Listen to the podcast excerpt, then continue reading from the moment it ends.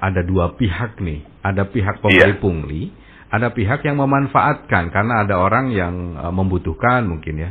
Saya minta dari Iya. sudut pandang Pak Johan dong mengenai pungli itu apa sih Pak sebenarnya? Pungli itu kan singkatan dari pungutan liar. Mhm, So, berarti di sini ada dua subjek. mhm, Ada yang memungut, ada yang dipungut. mhm. Yang namanya pungli berarti pungutan liar lebih pada si pemungut. Hmm, hmm, hmm. Yang si pemungut ini berarti orang yang mempunyai kekuasaan, power. Oke. Orang yang punya power, seseorang atau seorang pejabat yang mempunyai power, Mhm, sehingga dengan power ini dia bisa berbuat sesuatu, sehingga dia bisa memungut sesuatu dari orang yang mempunyai kedudukan yang lemah, Hmm, hmm, hmm. mempunyai kedudukan yang lemah. Nah, kelemahannya dia ini yang kemudian dimanfaatkan yang mempunyai kedudukan yang kuat. Oke.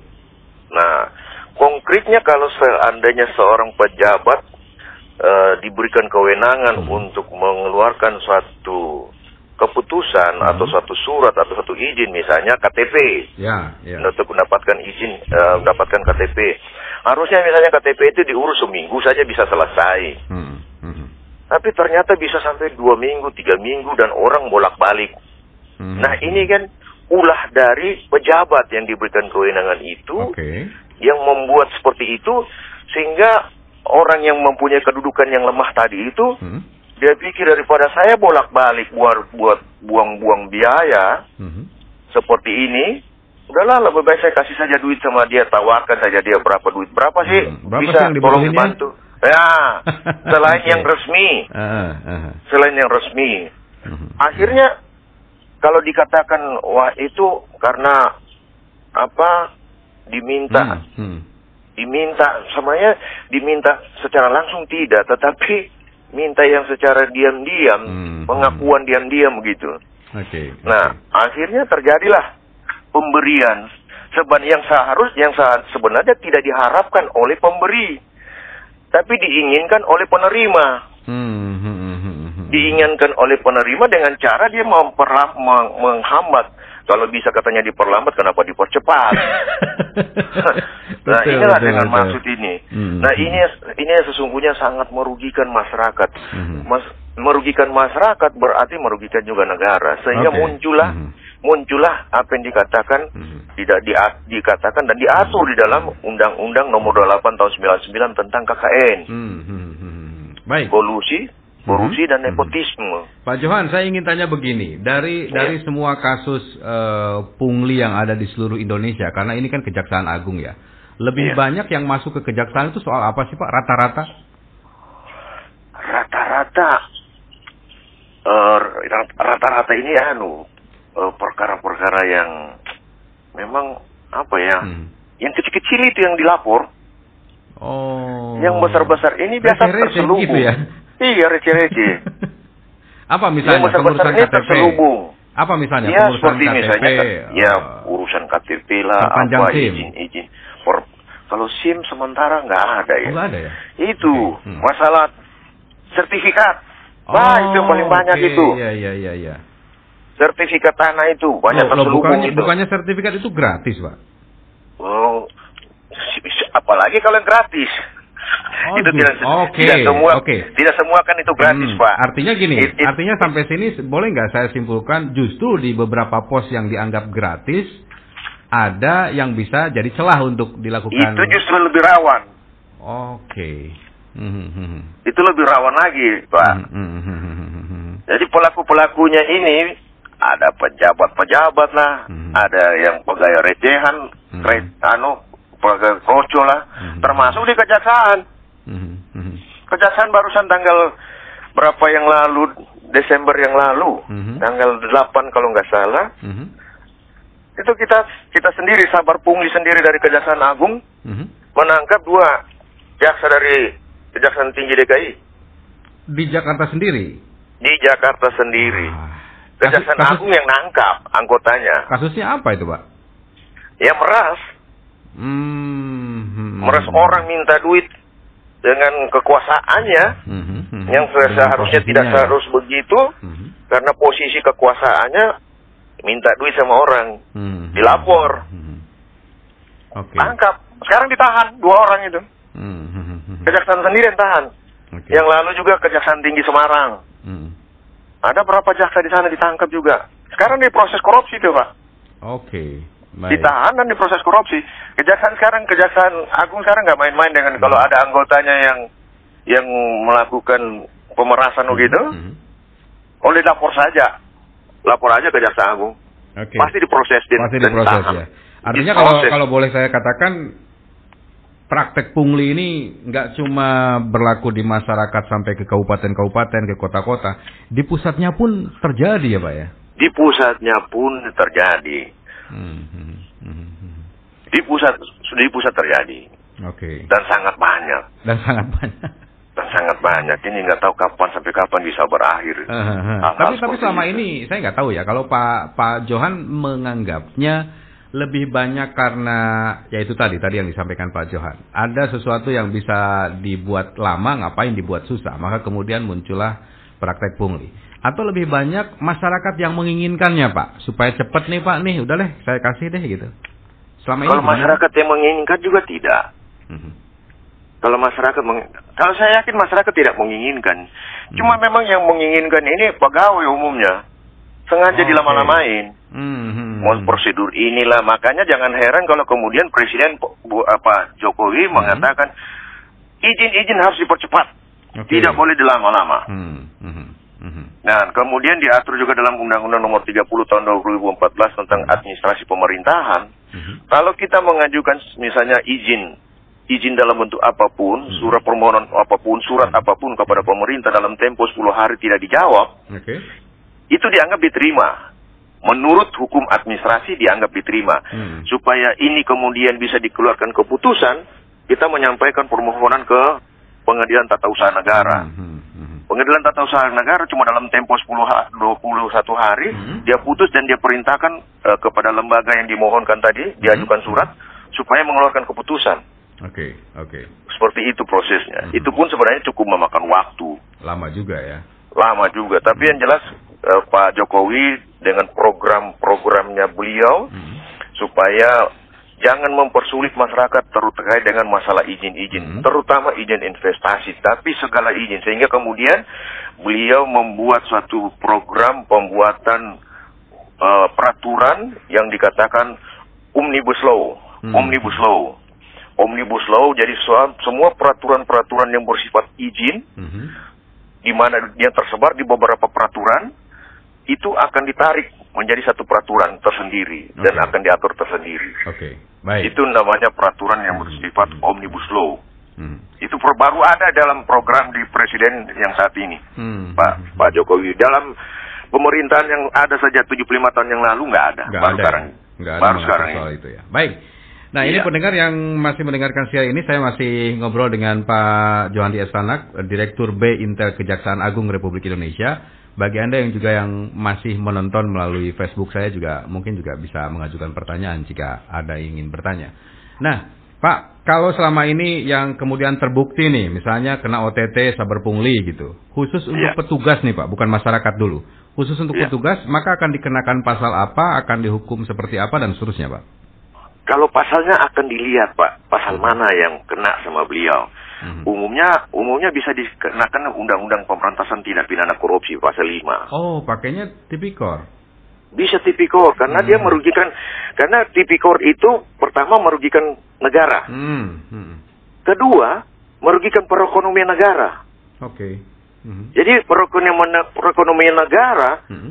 Itu hanya karena orang mengurus izin atau mengurus surat lambat, Mhm. ini akan menghambat perekonomian. Ya, ya, ya. Iya kan? Mhm. Nah, ini yang kemudian dapat dikualifikasi sebagai suatu tindak pidana korupsi. Mhm. Mhm.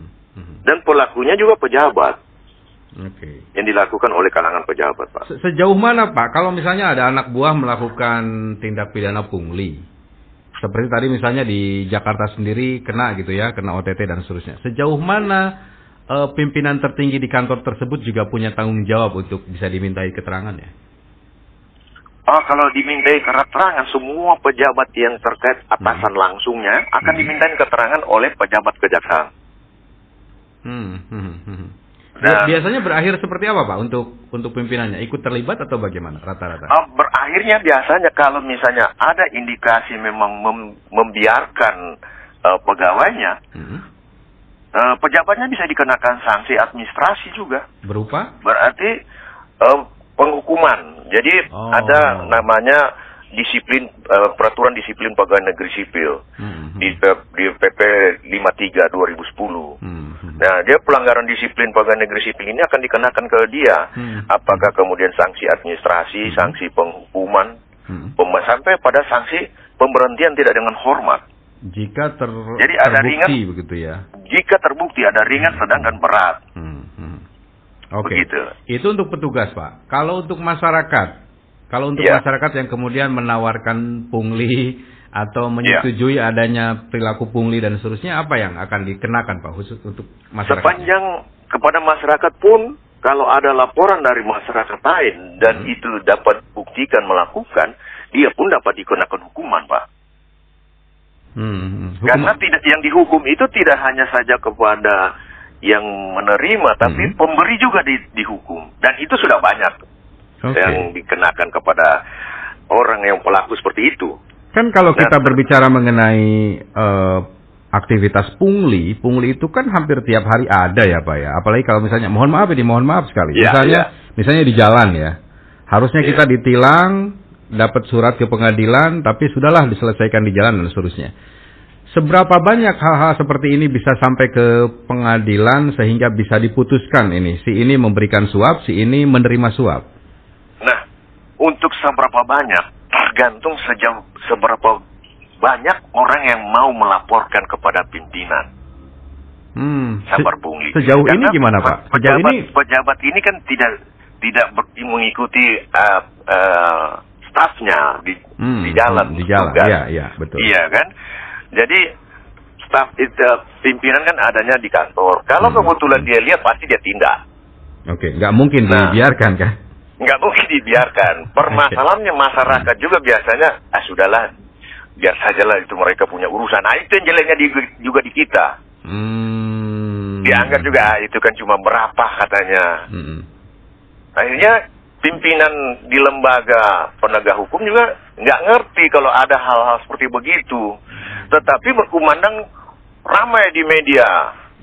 Apakah media eh, eh, online Hmm. atau sesama teman-teman grup di WA Hmm. atau di mana Hmm. atau di FB. Iya. Nah, itu ramai. Tetapi di kalangan pejabat penegak hukum tidak pernah mendapatkan laporan atau informasi tentang hal itu. Hmm, hmm, hmm.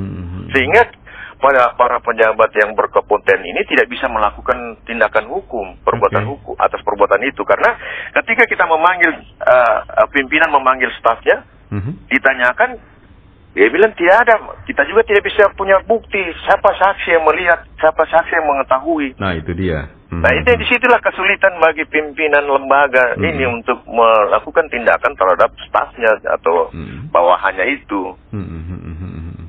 Begitu, Pak. Oke, akhirnya karena ketiadaan bukti agak sulit juga begitu ya Pak ya? Agak sulit karena Hmm. tidak bisa kita menghukum seseorang tanpa Hmm. ada bukti. Dalam menurut hukum acara minimal dua alat bukti Hmm. plus keyakinan hakim. Nah, kalau kita mau bawa ke pengadilan harus keyakinan hakim. Hmm, hmm, hmm, hmm. Nah, sebelum kita bawa ke pengadilan keyakinan hakim, keyakinan pimpinan dulu. Bagaimana yakin nggak pimpinan bahwa ini memang bisa dibuktikan? Kalau tidak bisa dibuktikan, ya dihentikan karena KUHAP juga memberikan eh, peluang untuk menghentikan kalau memang tidak bisa dibuktikan atau tidak ada tidak ada alat bukti. Hmm, hmm, hmm, hmm, hmm. Iya. Sepanjang tidak bisa dibuktikan ya susah juga Ya, ya, Pak ya? susah karena memang hukum acara pidana pun mengatakan Hmm. kalau tidak cukup bukti, tidak cukup unsur pidananya, Hmm. ya diberikan kesempatan untuk dihentikan Hmm. Ke suatu perkara. Oke, oke, oke, oke. Ya, Ya. nanti juga kalau itu tidak diatur juga orang yang tiada bukti juga dihukum. Lama-lama penegak hukum saya enak-enaknya juga. Akhirnya jadi pemerasan juga, Pak. Oke, oke. Iya. Ya, Begitu, tap- Tapi eh, selain yang receh-receh tadi Pak, yang Iya. eh, sampai kemudian sampai juga ke Kejaksaan Agung, apa nih Pak yang mungkin agak agak besar gitu yang mungkin pernah ditangani kalau soal Ini pungli. kalau yang besar kayak KPK besar ya OTT Hmm, itu hmm. operasi tangkap tangan yang dia mereka lakukan. Di kejaksaan itu yang besar juga itu nih kasus di Semarang itu yang itu anggota kejaksaan juga Hmm, hmm, yang melibatkan juga pengacara, hmm, hmm. melibatkan juga swastanya. Ya.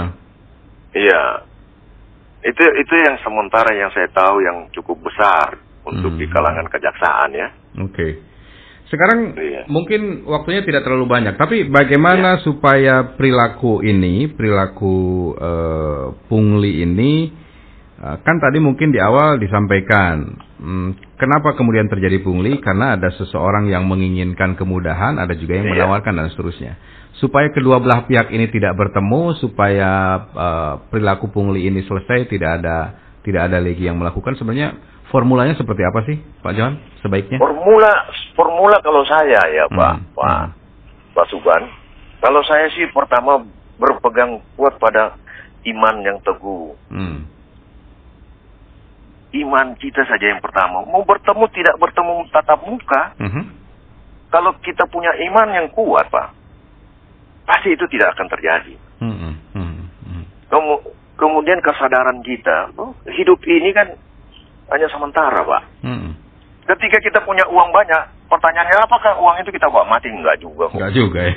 Iya, enggak dibawa Hmm. mati. Tetapi uang juga bikin kita mati. iya, iya. Sebelum kita mati, mati karir juga bisa, Pak. bisa, iya, iya, iya. Kena TT lagi. Nah, iya. Kemudian tidak dibawa mati. Ketika kita mati, kita punya sisa uang tinggalkan buat anak. Hmm. Mungkin anak bunuh-bunuhan hanya karena eh, apa rebutan uang kita itu. Hmm. Mati juga dia, tidak dia bawa juga mati uang itu. Hmm. Padahal Allah sudah menjanjikan hidup maut rezeki jodoh urusannya Sudah Allah. diatur Tidak, gitu ya. tidak boleh kamu Hmm. intervensi itu. Hmm. Hmm. Itu hak prerogatif. Nah inilah iman kita yang kurang. Hmm. saya bilang. Hmm. Hmm. Mau aturan bagaimana ketatnya Hmm. apa semua, tapi kalau tanpa iman yang kuat Hmm. itu niscaya pasti ter- tetap terjadi. Oke.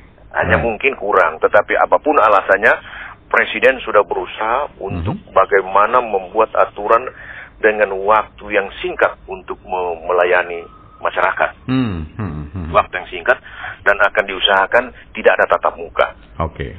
Seperti yang Pak Suban sampaikan tadi. Hmm. Hmm. Nah Baik. itu memang salah satu cara Salah secara satu duniawi. formulanya ya.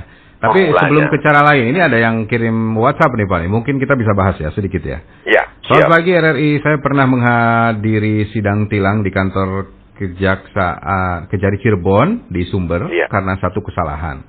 Setelah nunggu panggilan dan membayar denda tilang, ternyata saya tidak menerima selembar pun tanda terima bukti pembayaran denda tilang.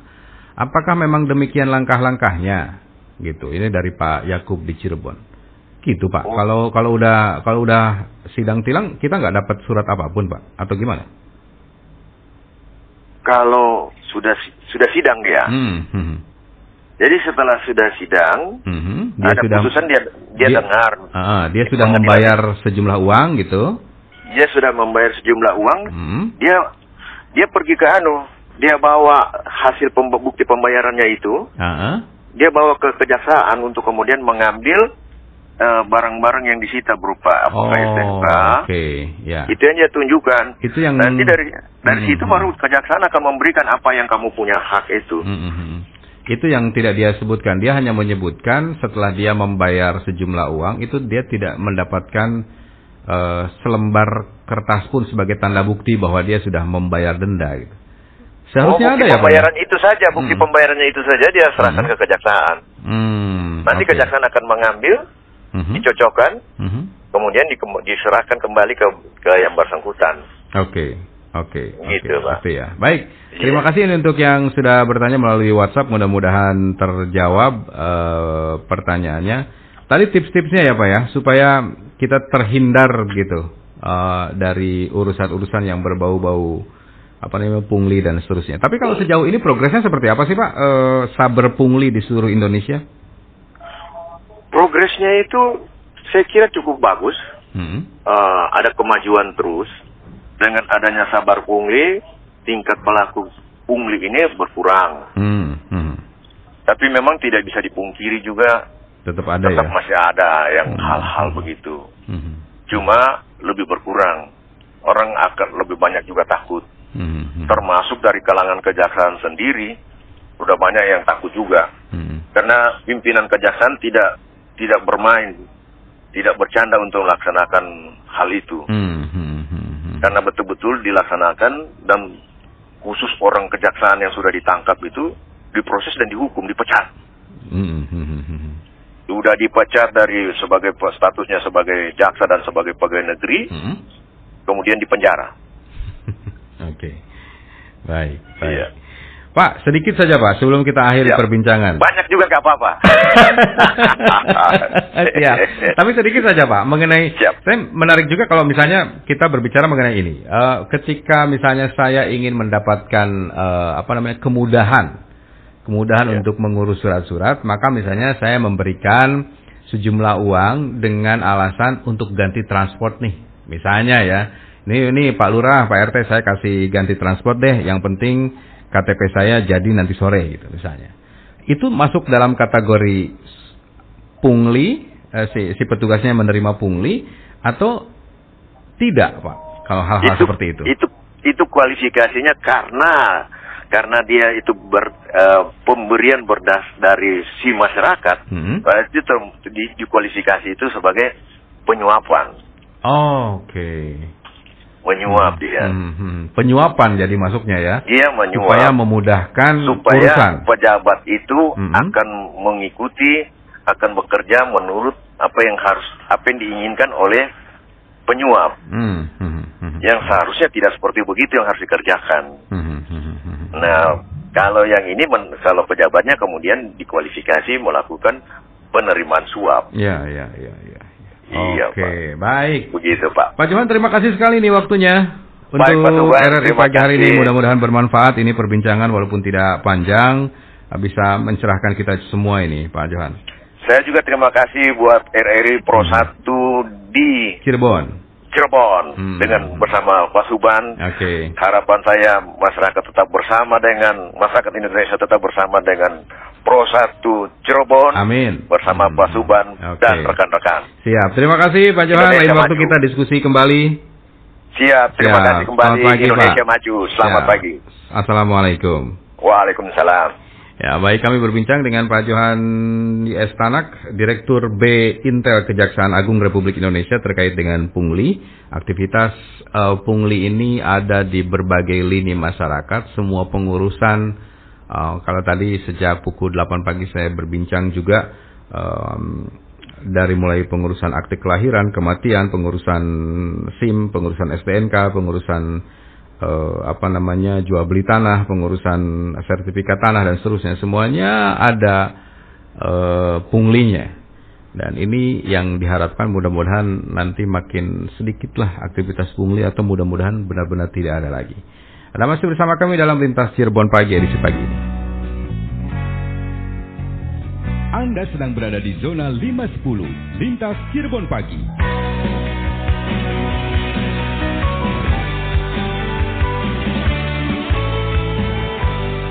Pro 1, Kanal Inspirasi.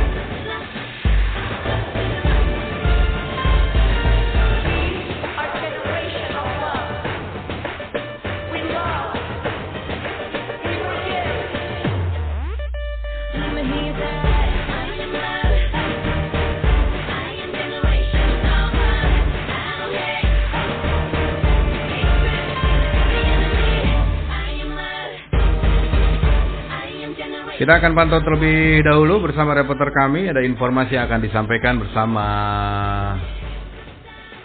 Haji Satria. ya. Ini mengenai pemeriksaan bus oleh Satlantas Polres Cirebon Kota jelang libur Natal dan Tahun Baru seperti apa kondisinya? Aji laporan Anda, Aji.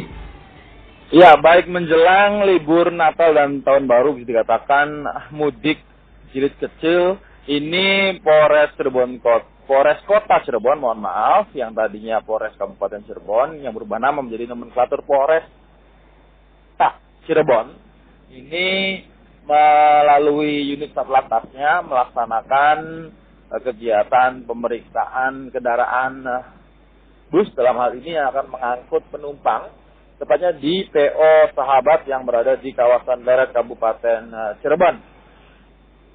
Satlantas juga menggandeng dari pihak Disub dan eh, unit Dokpol, eh, Dokpol, eh, Dokter Kepolisian untuk melakukan pemeriksaan urin, pemeriksaan kesehatan dan juga lain sebagainya.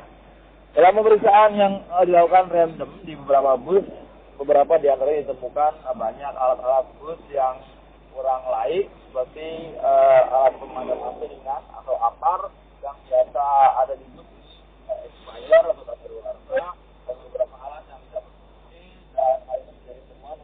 segera ditindaklanjuti oleh pemilik PO bus sahabat dalam melakukan perbaikan ke depannya. Kasat Lantas Polresta Cirebon, AKP LC Anggraini kepada sejumlah wartawan menegaskan bahwa pihaknya hari ini melakukan dua pemeriksaan yakni di PO Bus Sahabat dan di PO Setia Negara yang berada di wilayah Pernak. Tentunya hal ini menjadi sebuah eh, kegiatan yang harus wajib dilakukan agar eh, bisa eh, mengetahui mungkin bagaimana manajemen yang nantinya akan mengangkut para penumpang menjelang libur Natal dan Tahun Baru di mana libur, libur Nataru ini juga eh, bertepatan dengan libur anak sekolah sehingga dimungkinkan sekolah akan harus melakukan dan pihak sahabat melalui humasnya Budi ini menegaskan bahwa pihaknya mengucapkan terima kasih atas dilakukan dan beberapa temuan-temuan pun akan segera diperbaiki dan diganti sehingga ke depannya uh, PO sahabat akan layak dan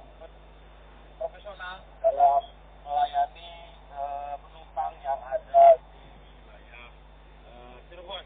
Dari PO sahabat juga uh, mengasih langsung ke PO Setia Negara untuk melakukan pemeriksaan lanjutan. Adi Satria langsung dari kawasan Leret Kabupaten Cirebon kembali ke studio. Laporan disampaikan Haji Satria pendengar dan Anda masih bersama kami dalam eh, Lintas Cirebon Pagi edisi pagi hari ini.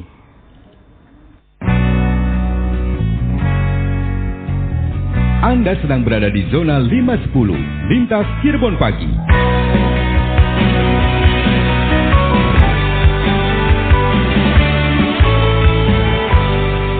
1, Kanal Inspirasi.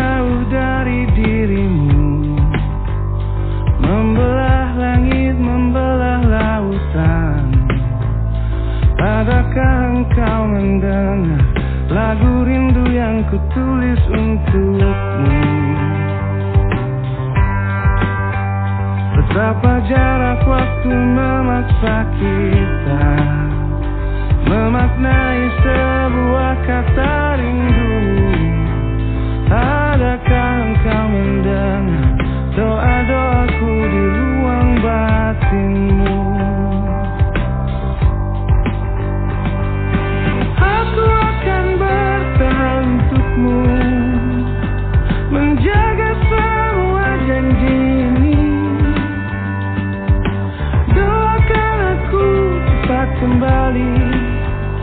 Kan ku bawa sebentuk hati yang penuh dengan cinta.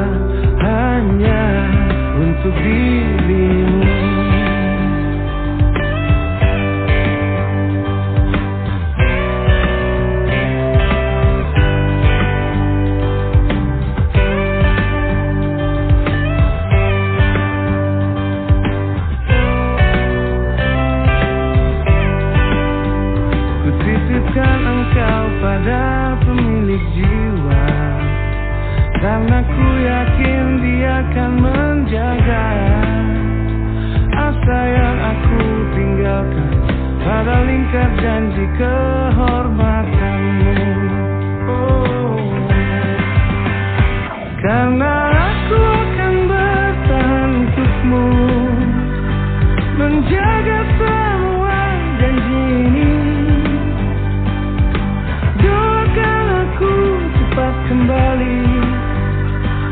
ku bawa sebentuk hati yang penuh dengan cinta hanya untuk dirimu.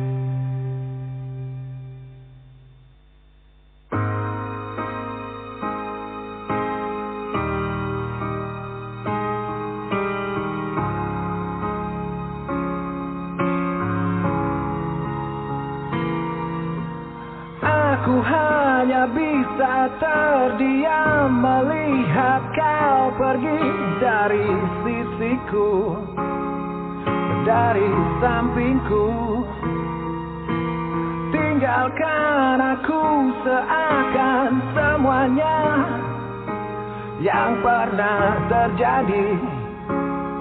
Tak lagi kau rasa